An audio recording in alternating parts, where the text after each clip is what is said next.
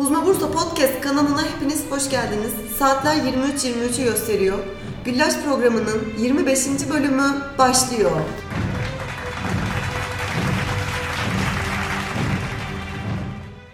Ben bugün yayına Da Vinci olarak geldim.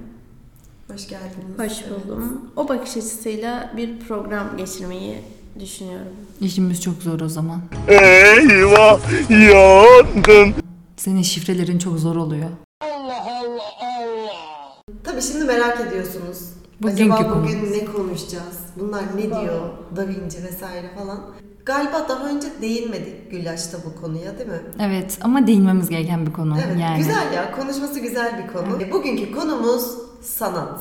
En baştan şunu söylemek istiyorum. Benim sanatla pek işim olmaz ki hani bana çok hitap etmiyor deyip kapatabilirsiniz yayını. Böyle bir eğiliminiz olabilir ama inanın hepimizin bununla ilgisi var. Yani Kapatmayın arkadaşlar. Biz tablo okumayacağız burada bu arada. aynen. Farklı Ee, bir bakış açısı sanata Evet. sağlayacağız. Ben şöyle gidişattan biraz bahsedeyim. Berfin, Reyhan ve ben varız. Bir dönem bunu araştırdım. Normalde böyle e, korktuğum bir konuydu. Çünkü Evet. yabancı hissediyordum kendimi. Hani ne çıkarabilirim ki? Bir de İslam'la nasıl bağdaştırabilirim? Hani size bunu nasıl anlatabilirim diye endişe ediyordum. O düşünce çok var biliyor musun? Evet. Yani sanat ve Müslüman bir arada olamazmış gibi. Bir Müslüman entelektüel olamazmış gibi. Kesinlikle. Halbuki baktığın zaman aslında en çok bir Müslümanın sanattan anlaması lazım. Yani artık bu algının kırılması gerekiyor. Ya sanatın biraz ben güzel tarafını böyle bir gösterelim istiyorum. Hani e, o sanatın İslam'ın içerisinde olduğunu ve en güzel şeklinin aslında İslam'da olduğunu biraz değinebiliriz. Evet size bir soru soracağım. Sor bakalım. Sizce en eski sanat eseri nedir? Peki bilindik bir eser mi yoksa bir Yo, cisim mi? Yani aynen, mesela bir cisim. bardak gibi genel bir o şey mi? Değişik ya. Allah. Neymiş biliyor musunuz? Ne? Üzeri delinmiş salyangoz dizisi. Şaka yapıyorsun. Şaka yapıyorsun. Aa, Duymuştum takı bunu. gibi bir şey. Evet evet takı. tarz. 100 bin yıl yaşındaymış. Hı hı. Yani ta, şeyde böyle geçiyor. Önce Google'a sanat yazdığınızda o işte Wikipedia'da vesaire ne çıkıyor karşınıza? Sanatı sana e, tamamen böyle e, genel hatlarıyla nasıl anlatıyor? Hani orada dikkatimi çeken birkaç nokta var. Onlardan bahsedeceğim. Sonra da İslam'da sanat nedir? Yani İslam'ın içine girdiğinde o sanatı nasıl yakalıyoruz? Oradaki o sanat bakış açısı nedir? Biraz kıyaslayarak gideceğiz. Ee, oradan belli kavramlara değineceğiz.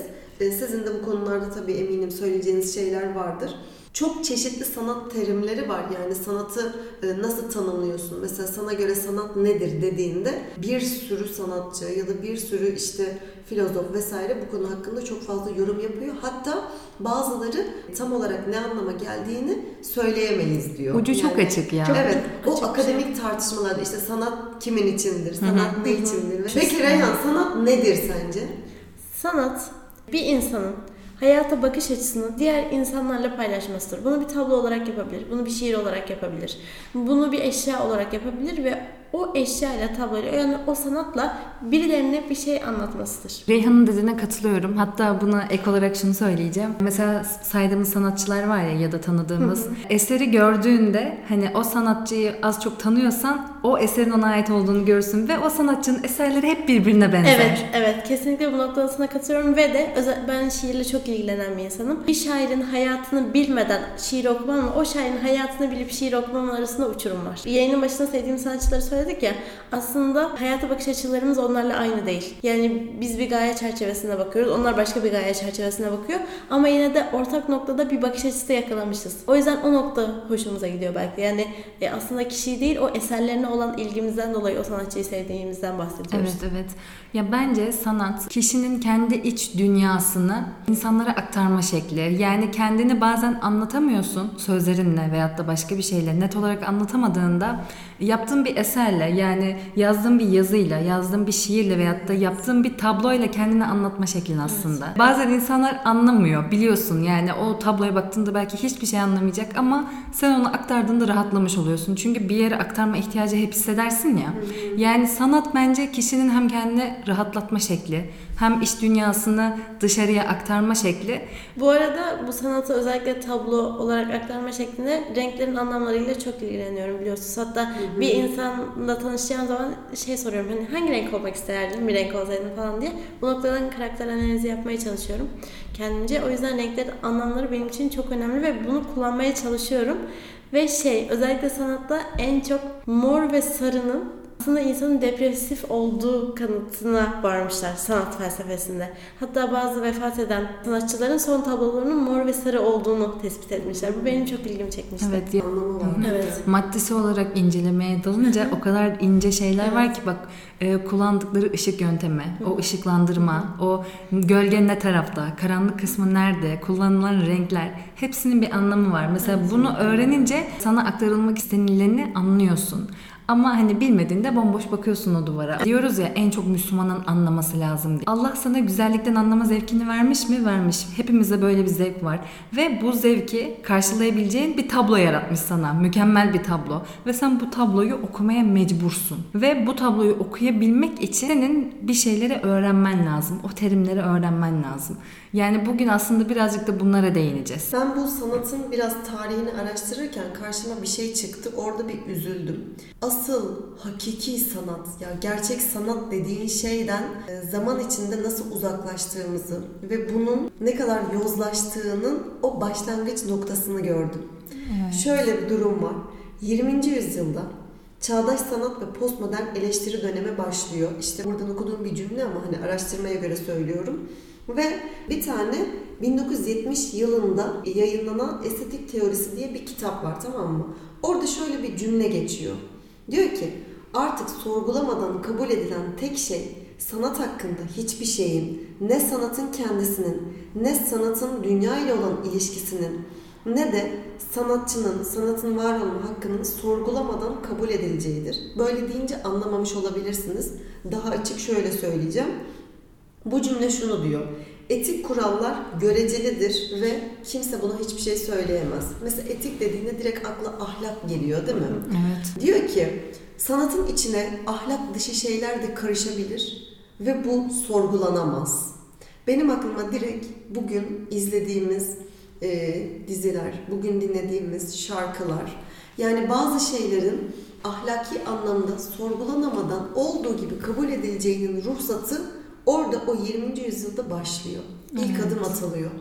Ve bu çok üzücü. Yani e, belki o güne kadar sanat çok güzel muhafaza ediliyordu ve çok güzel kullanılıyordu. Amacına Ee, ulaşıyordu. Aynen tevhidle birleştiriliyordu. Hala da onu yapan illaki vardır Tabii ama e, birazdan konuşacağız. O İslam'daki sanatın içinde nasıl tevhid şeyleri var. Bak hiç farkında olmadığımız ama o kadar hassas davranılan şeyler var ki Allah'a e, dayanan bir ucu var hepsinde. Ama dediğim gibi buradaki bu e, cümleden sonra bir serbestlik, bir rahatlık başlıyor ve sanatçı hani çok özür dileyerek söylüyorum ahlaki anlamda hiçbir şekilde hiçbir şeye uymak zorunda değildir. Her şey serbesttir gibi böyle bir durum ortaya çıkıyor. Bu da hani ne yazık ki Ya üzücü şeylere amaç yol açıyor. birazcık sanattan çıkıp şova dönüşüyor.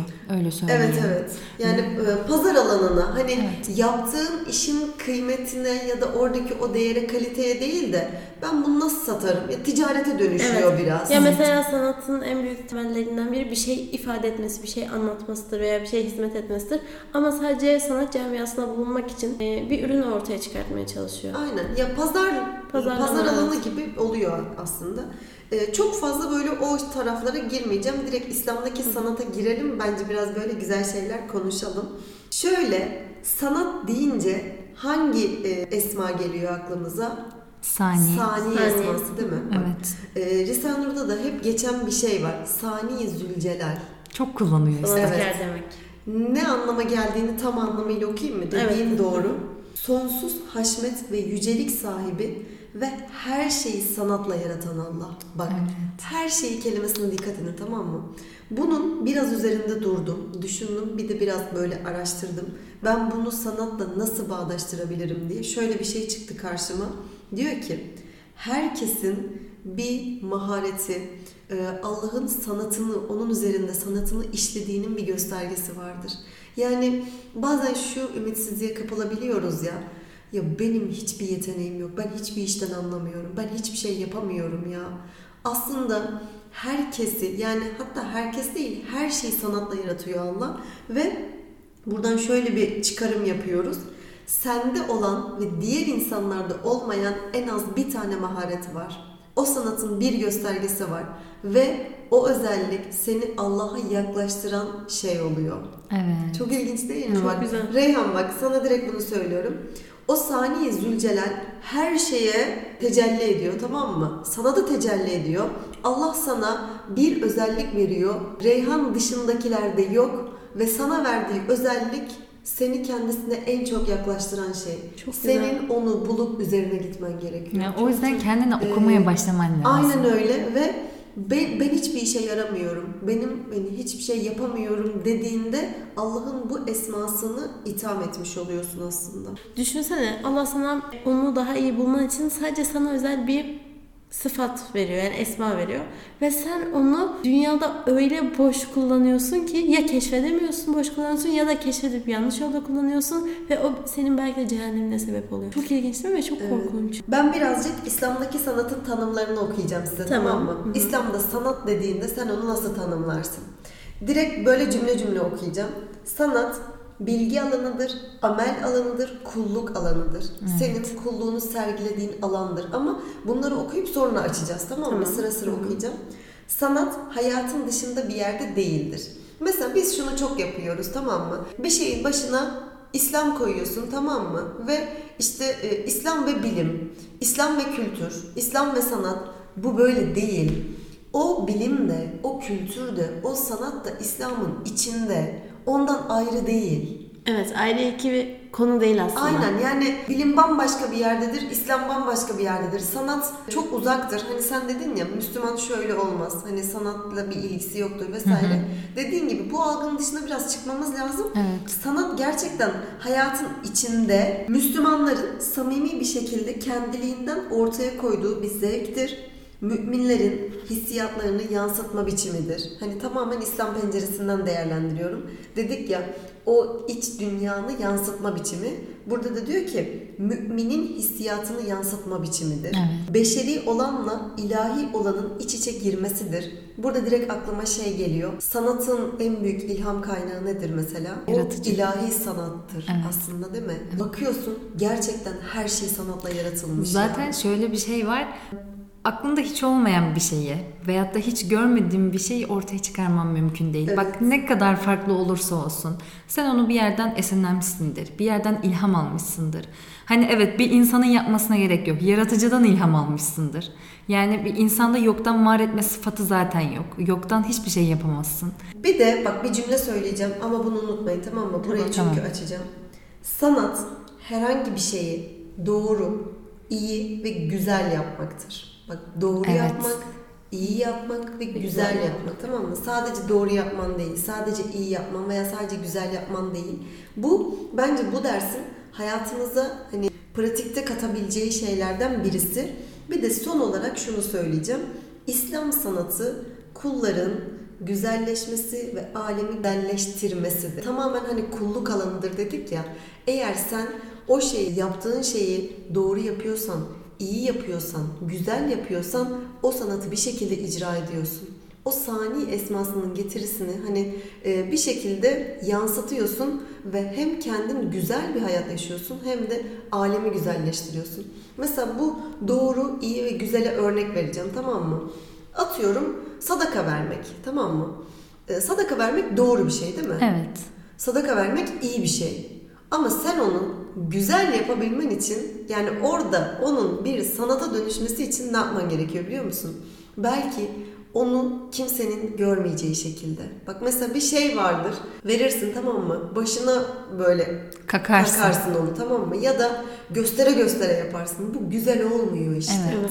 Bak ya da atıyorum birini uyaracaksın. Belki o doğru bir şey. O an faydalı bir şey ve iyi de bir şey ama onu nasıl yaptığın orada tamamen güzellik giriyor devreye. O kadar önemli ki ben şu üç şeyi düşündüğümde, öğrendiğimde her hareketimi sorgular oldum biliyor musunuz? Yani o hafta süre boyunca yani o araştırdığım süre boyunca dedim ki gerçekten acaba güzel yapabiliyor muyum bir şeyleri? Mesela bir iş yapıyorsun. O işi bir yarım yamalak yapmak vardır. Yapmak için yapmak vardır. Evet yaptığın iş çok faydalıdır, doğrudur, iyi bir iştir ama gerçekten güzel yapıyor musun? Bu bazen bir temizlik olur. Bazen bir çocuk yetiştirmek olur. Kendini ona veriyor musun? Onu güzel yapabiliyor musun? İşte bunu yapabildiğinde orada kulluğunu tam manasıyla yerine getiriyorsun ve kulluğun senin sanat alanın oluyor. Aslında sanatın hani, tanımı olarak baktığında böyle yani. Çok Evet. güzel ya. Ya Osmanlı sanatına zaten hep bir hayranlık duyuyorum ama bu noktada yine Osmanlı sanatı aklınıza geliyor. Sadaka taşı olayı. Öyle bir sistemle tasarlamışlar ki alanda veren de belli değil. Çok Elini güzel, değil koyuyorsun. mi? Ya dolu koydun boş koydun kimse bilmiyor. Çıkarıyorsun dolu bir şey aldın bir şey bıraktın kimse Yani bilmiyor. en Çok güzel biçimde yapmışlar bunu Ya bir mesela. şey değil mi? Kokuları, renkleri, cisimleri hep bir şey anlatmak için kullanmışlar. Diye ya bir kitap okudum. Orada Çiçeklerin Dili diye bir bölüm vardı. Bir evin e, camında sarı çiçek varsa o evin kapısının önünde ses yapılmazmış. Hasta var demekmiş. Ya. Bir evin camında beyaz çiçek varsa o evde gelinlik çağında kız var demekmiş. Gibi gibi gibi. Ya o kadar ince şeyler düşünmüşler ki. Mesela bir kızı istemeye gittiklerinde şerbet ikram edilirmiş. Eğer şerbet karanfilli gelirse kızınızı isteyebilirsiniz. Ama sade gelirse maalesef hani size verecek İşte. kızınız yok. Çok güzel ya. Bak en başta dedim ya sanat tablo okumaktan ibaret değildir. Evet. Ya o kadar hayatın içinde ki. Evet. Yani yaptığın iş isterse çöp toplamak olsun ya. Vallahi onun içinde bile o gizli. Tabii ki yani. Onu güzel yapabilmek çok Evet. çok önemli. Yani ya. sanat belli bir kısmı, belli bir kişilerin anladığı, yaptığı bir şey değil aslında. Hayatın çok içinde olan bir mevzu. kesinlikle öyle. Ama onu işte Ee, tevhidle buluşturman gerekiyor. Evet, kesinlikle. Bir de hani şöyle düşünmeyelim. e, sanatçılar bambaşka bir dünyada yaşarlar. İşte onların hani kıyafetleri farklıdır, düşünce şekilleri ya da yaşayış tarzları hayır öyle değil. Kesinlikle. O sanat gerçekten hayatın içinde. Bu sanatçı ile alakalı da yine hani normal modern e, sanatçı bakış açısıyla baktığımızda mesela o ne dedik 20. yüzyıldan sonra e, herhangi bir etik kuralla bütünleşmez vesaire. Hani her şeye açık kapı bırakıyor yani. Ama İslam'daki sanata baktığında sanatçıyı o kadar güzel tanımlıyor ki bak diyor ki sanatçının yaptığı işin içinde ilim ve ihlas olmalı. O sanatçı verilen ilhamı, kendisine verilen ilhamı bir emanet olarak kabul edip halka dağıtması gerekiyor. O kadar güzel ki bak bunu okuduğumda çok etkilenmiştim. Sanatçıda ya bir sanatçıda en çok görülmesi gereken şeyin ahlak olması gerektiğini söylüyor. İslam sanatı bunu savunuyor. Çok güzel bir şey ve diyor ki Allah sanatçıya e, atıyorum Berfi'nin görsel anlamda bir yeteneği var tamam mı? Edibe'nin ses anlamında mesela güzel bir sesi var. Nimetlerinden böyle şey yapıyor. Yani ona özel bir nimeti veriyor tamam mı? Ve onun onun değerini bilerek hareket etmesi lazım. Onun ona karşılık vermesi lazım. Onun kıymetine göre sorumluluğu daha fazla oluyor. Edibe'ye o nimetinden belki ekstra, belki bir güzellik veriyor tamam mı? Mesela diğerlerinde atıyorum 20 kişiyiz belki bir kişiye veriyor onu. Ve onun onu bir emanet olarak kabul edip öyle güzel kullanması, öyle böyle hani e, ona sahip çıkması gerekiyor ki Allah rızası dairesinde belki kullanması gerekiyor. Düşünsene bak Allah bana bir kabiliyet nasip etmiş. Bunu vermiş ve benim bunu emanet olarak görüp onu halka öyle bir dağıtmam, öyle bir vermem gerekiyor ki o onların faydasına, o onların belki ahireti hani o uhrevi anlamda e, bir şeyler kazandıracak olmalı. Ya verilen e, kabiliyeti emanet olarak görmek bile bence çok güzel bir bakış açısı. yani. Kesinlikle. Bak düşün Berfin. Allah sana diğer insanlarda olmayan görme yeteneğini vermiş. Güzel görebilme yeteneğini vermiş. Yani bunu bir kendini değerli hissetmen lazım. Ve sorumluluk hissetmen Ha, lazım. Aynen. Yani Ya ben bundan sorumluyum ya. Burada bana bir vazife verilmiş demen Evet. lazım. Evet yani. o vazifen yokmuş gibi yaşayamazsın. Ve onu Evet. kötüyü de Görmezden gelemezsin. Onu Allah rızası dairesinde kullanabilmen de çok önemli. Ve diyor ki sanatçı bir kuldur. Hatta hani o kendisine verilen nimete binaen en has kul olmak zorundadır. Ya düşünsene örnek alınan insan olması gerekiyor o sanatçının. evet. Ama ne yazık ki hani günümüze baktığımızda Yani düşünülüyor ya tamam hani herkes sanattan anlamak zorunda değil Ee, bilmem ne vesaire. Şimdi bir Müslümansak ve tebliğ yapmayı amaçlıyorsak ki her Müslümanın vazifesi bu. Ve sanatın da evrensel bir dil olduğunu düşünürsek aslında her Müslümanın sanattan anlaması ve sanatı kullanması lazım. Evet ya. Kendi yeteneğin nispetinde. Bu beni çok üzüyor biliyor musun? Çünkü birine mesela bir şeyi bir anlam ifade ederek yapıyorsun ya. Ama karşı taraf bunu anlamayınca bu iki farklı dili konuşmak gibi oluyor. Ve şu da var e, bir Müslüman olarak senin ayrıyeten tevhide ters düşmeyen sanata özendirmen lazım. Evet kesinlikle. Yaptığın işi en güzel surette yapıp özendirmen lazım ya. Özenerek yapmak Onun aslında. özenmesi lazım. O yaptığın işe, İslam'a sana tam bununla ilgili örnek vereyim mi? ver. Tevhidle buluşması lazım dedik ya. İslam sanatının zirveye ulaştığı üç şey var tamam mı? Birincisi mimari, Evet. ikincisi müzikte, üçüncüsü de şiirde. Bu üç şeyde zirveye ulaştığı dönemler var. Mimaride şöyle bir durum var. Bizim hani mimari deyince aklımıza o cami geliyor değil mi? Camilerde hele de o zamanda yani o zirveye ulaştığı dönem için değerlendirecek olursak şu anda öyle de nasıl ilerliyormuş biliyor musun? Cami mimarisi böyle o kadar stratejik yapılıyor ki bak yavaş yavaş mesela sokağından itibaren hassas bir şekilde yapılıyormuş tamam mı? Yavaş yavaş ilerliyorsun ya o camiye doğru. Dükkanlar azalmaya başlıyor. Hani o dönemden bahsediyorum. Sonra avluya giriyorsun. O şeyden hani dünyevi karmaşadan seni bir alıyor. Evet. Sonra o kadar simetrik bir şekilde ilerliyorsun ki bak adım adım adım adım gittikçe e, orada artık nasıl bir e, yöntem kullanıyor bilmiyorum ama en sonunda o alem dedikleri şey var ya mesela kubbe halinde geliyor böyle Evet, evet. birleşiyor ya ben Evet. şu an işaret ediyorum ama tam anlatamıyorum. Yani daire halinde böyle geliyor Evet. simetrik bir şekilde ve tek bir çizgide buluşuyor. O tek çizgide buluşması bile tevhidi temsil ediyor. Evet. Ya her Yani- şeyin bir amacı var. Mimaride Aynen. de. Hiçbir Yani- şey gelişi güzel yapılmıyor. Her şeyde.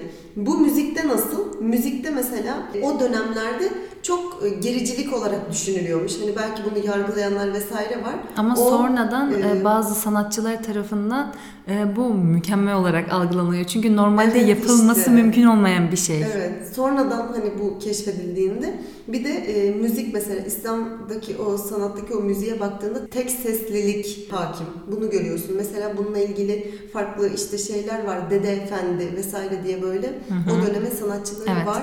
Orada tek ses ve buna o kadar eleştirel bakıyorlar ki bu, bu arada tek ses dediğim hani başka bir enstrümanın karışmadığı tek ses bu anlama geliyor. Hep soruyorlar işte neden hani bilinmediğini ve cehaletten bunun yapıldığını söylüyorlar ama aslında o bilmediği için değil. Orada bile tevhidi sembolize etmek istediği için kendini bir temsil şeyi olarak görüyor Evet. ve hani tek olmayı müzikte bile kullanıyor. Tercih etmiyor çoğulu anladın mı? Ya kullansa en iyisini her kullanacak alanında aslında. ya hayatın her alanında. Bir de benim e, hoşuma giden bir şey daha var. Şimdi bizim Türk ressamlarından biri tam bilmiyorum tamam mı hangisi olduğunu. Bir gün Picasso'nun atölyesine gidiyor. Ama Picasso o dönemde bir ekol yani bir sürü hani onun altında çalışan bir sürü ressam, bir sürü designer var. Hani çok büyük bir adam yani anladın mı? Evet. Bizim Türk ressamlardan birisi onun atölyesine Hı, gidiyor. tamam. Bir de aynı zamanda o dönemde arayış içinde. Yeni bir arayış içinde. Yani bir üste nasıl çıkabilirim? Hani daha farklı ne yapabilirim çabasında. Sonra konuşurlarken hani bizim Türk ressamlardan biri ve Picasso konuşurlarken konu hat sanatına geliyor tamam mı? Ve Picasso Müslümanların bir hat sanatı olduğunu biliyor. Ama hani bunun üzerine iyice konuştukça diyor ki sizin hat sanatında ulaştığınız noktaya ben kendi sanatımda yıllardır gelmeye çalışıyorum. Oradaki o sırrı çözemedim, onu nasıl yaptığınızı bilemedim diyor. Ve o da şöyle hani hat e, bilen var mı? Bilmiyorum daha iyi anlayacaktır eminim. Benden daha iyi biliyordur ama negatif mekan yani boşluk denilen bir şey varmış tamam mı? Hani Evet. normalde bir şeyi yapa yapa gidersin ya ama orada boşlukları değerlendirerek yapılan bir sanat var. Ne kadar anlatabildim bilmiyorum ama o boşluklardan ortaya çıkan bir sanat var tamam mı? Ve bunun İslami olarak hani o tevhide dayanan şey neymiş biliyor musun? Yani o hat sanatında boşluk üzerine yapılan sanatın aslında şöyle bir anlamı varmış. Bir misafiri, bak tamamen kültürü, tamamen o İslami ahlakı temsil eden bir şey. Bir misafiri evine çağırmak istiyorsan önce o evi bir boşaltman, ona yer açman lazım. Eğer kalbine Allah'ın sevgisini doldurmak istiyorsan dünyevi sevgileri oradan çıkarıp orayı bir boşaltman lazım. Her şeyi o kadar boşlukla hani e, temsil ediyor ki yaptığı sanatın içine bile oradaki o belki hani fani olanı çıkar. Sadece sonsuzu al. Yani boşluğu aç. Hani dünyadan sıyrıl, o boşluğu oluştur ve sonra o ilahi olanı al. Bu mesajı vermeye çalışıyor. Çok güzel Çok güzel mesaj. değil mi? Ve adam diyor ki ben ulaşamadım diyor. Bu nasıl bir sır mesela? Aklına nereden geliyor? İslami o hani tevhid inancı. Evet. Verdiği o ahlaki şey onu besliyor aslında. Alttaki kaynak bu yani. Çok güzel değil mi? Hani dedin ya özenilmesi lazım. Evet. Yani e, sahip olduğumuz değerler e, belki de hani ilahi bir gözle o iman penceresiyle bakabildiğinde her şey o kadar muazzam ki bir de şunu da söylemek istiyorum. Sanki bir şeyin sanat olması için ya da bir şeyin e, gözüne mucizevi gelmesi için normalin dışında hani biz bazı şeyleri o kadar normalleştiriyoruz ki Evet. aslında bize gayet artık sıradanlaşmış bir bebek, bir meyve tamam mı? Hepsi birer sanat ya. Evet. Ya, e, ya mesela geçen gün tefekkür ettim var ya, ya bir bebek bile mesela bir insanın içinde büyüyor değil mi? Çok garip geliyor Çok bana. şey. Ama o kadar normalleşmiş ki sanki hani çok mucizevi şeyler olması lazım ki biz o sanata hayranlık duyalım diye. Hayır. Hayatımızda var olan bak senin nefes alıyor oluşun, senin o kalbinin atması bile yani her şey sanat ya gerçekten ve buradan hani bu dersin içinde şunu söylemeden edemeyeceğim. Sanat sanatkarı icap eder. Gördüğümüz her sanat aslında bize o sanatkarı gösteriyor. Ee, ve ben bu bahsettiğimizden şunu söylemek istiyorum. Mesela Bediüzzaman hayatı boyunca mesela tüm hayatında bu tefekkürü zaten Risale-i Nur'larda biz fazlasıyla görüyoruz. Ve şunu okuyacağım. Bediüzzaman batıdan gelen fen ve sanata İslamiyet'in malı olarak sahip çıkmış. Ve bunları tevhidle yoğrularak Kur'an'ın bahsettiği tefekkürle değerlendirilmesi gerektiğini savunmuştur. Çok, Çok güzel, güzel. ya. Yani o kadar anlamlı ki yani baktığında tefekkür sende zaten bir sürü pencere açıyor ve onu Kur'an'daki o tevhidle birleştirip yoğurman lazım yani asıl sanata o zaman ulaşıyorsun. Bir de sanattan bahsederken arkasından hemen güzellik kavramı geliyor. Yani sanat deyince mesela e, hep şey diyoruz ya insan güzeli sever, güzele meyleder. Yani gerçekten de böyle bir gerçek var değil mi yani? Güzel kıyafet istersin. Güzel hani insana baktığında, bir insana baktığında güzelse hani o sana daha hoş görünür. Bir güzelliğe meylimiz var yani. Evet. Evet. Bu arada bize göre bir insan kötü giyinse de örnek veriyorum. O ona göre güzel olduğu için onu tercih ediyor. Yani aslında herkes en güzeli tercih Aynen, ediyor. aynen. Hani biz Yani- bu güzel değil hani bak olmamış. Bu insan güzeli tercih etmemiş gibi düşünebiliriz ama o kendince en güzeli tercih etti. Evet. Evet bak şöyle bir pencere açmak istiyorum size. Güzelliğin kaynağı Allah'tan geliyor tamam mı? Ve e, hani Üstad da diyor ya her şeyi güzel yaratmıştır. Netice ya Evet netice ya. itibariyle ya Bizzat. bizzat. Bizzat. Ama o güzelliğin asıl kaynağı Allah'tan geliyor. Evet, Ve tabii. ondan sonra hani zincir olarak böyle gidelim. Efendimiz Aleyhisselatü Vesselam tamam mı? Güzel ya. Her şeyi güzel ya. Bak düşün tamam mı? Onun bir büyük savunucuları arkasında duran birileri var mıydı? Hayır. Yok. Bir propagandası böyle bir şey var mıydı? Yok değil mi? Ama sünnetlerine bak, ahlakına bak, yaşayışına bak, sözlerine bak. Her şey o kadar güzel ki. Evet, ve, Ve şunu da söyleyeceğim. Onu tutan oydu yani anladın mı? Ve ona o güzelliği veren de hani kaynağı da var yani. Evet evet. Dini açıdan da sanatın sıkıntılı olduğunu düşünen de çok insan var. Şimdi Peygamber Efendimizin hayatına baktığımızda Peygamber Efendimiz o tevhidle birleşen sanatı meşru ölçüler dairesinde o ahlakın dışına çıkmadan sanatın yapılmasını zaten tavsiye ediyor. Ve Allah güzeldir, güzeli seven diyen bir peygamberimiz var bizim.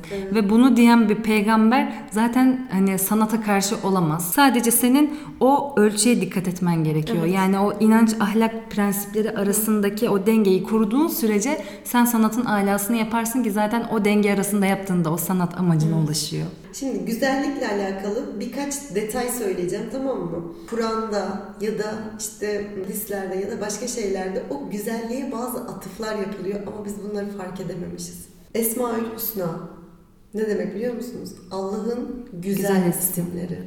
Orada bir güzellik var yani tamam mı? Efendimiz Aleyhisselatü Vesselam için diyor ki sizin için güzel bir örnek vardır. Bak e, oradaki o güzelliği hani ne kadar aslında gönderme yapıldığını görüyoruz.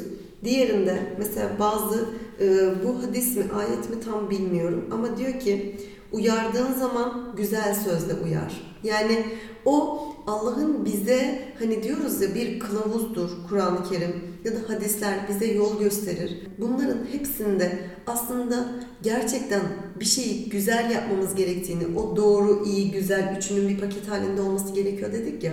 Bunların yönlendirmeleri bize yapılmış. Ama biz bunları bazen okuyamıyoruz. Nefsimiz o an nasıl istiyorsa öyle davranıyoruz. Gerçekten mesela birini uyarırken daha güzel bir şekilde uyarmak varken kırıp dökebiliyoruz. Orada bu e, davranışlarımıza bu tarz şeylerin yansıması için bunu söylüyorum. Diğerinde de mesela Hazreti Yusuf kıssası var değil mi Kur'an-ı Kerim'de? Bunun için kıssaların en güzeli diyor. Yani o güzellik kelimesini belli başlı yerlere yerleştiriyor.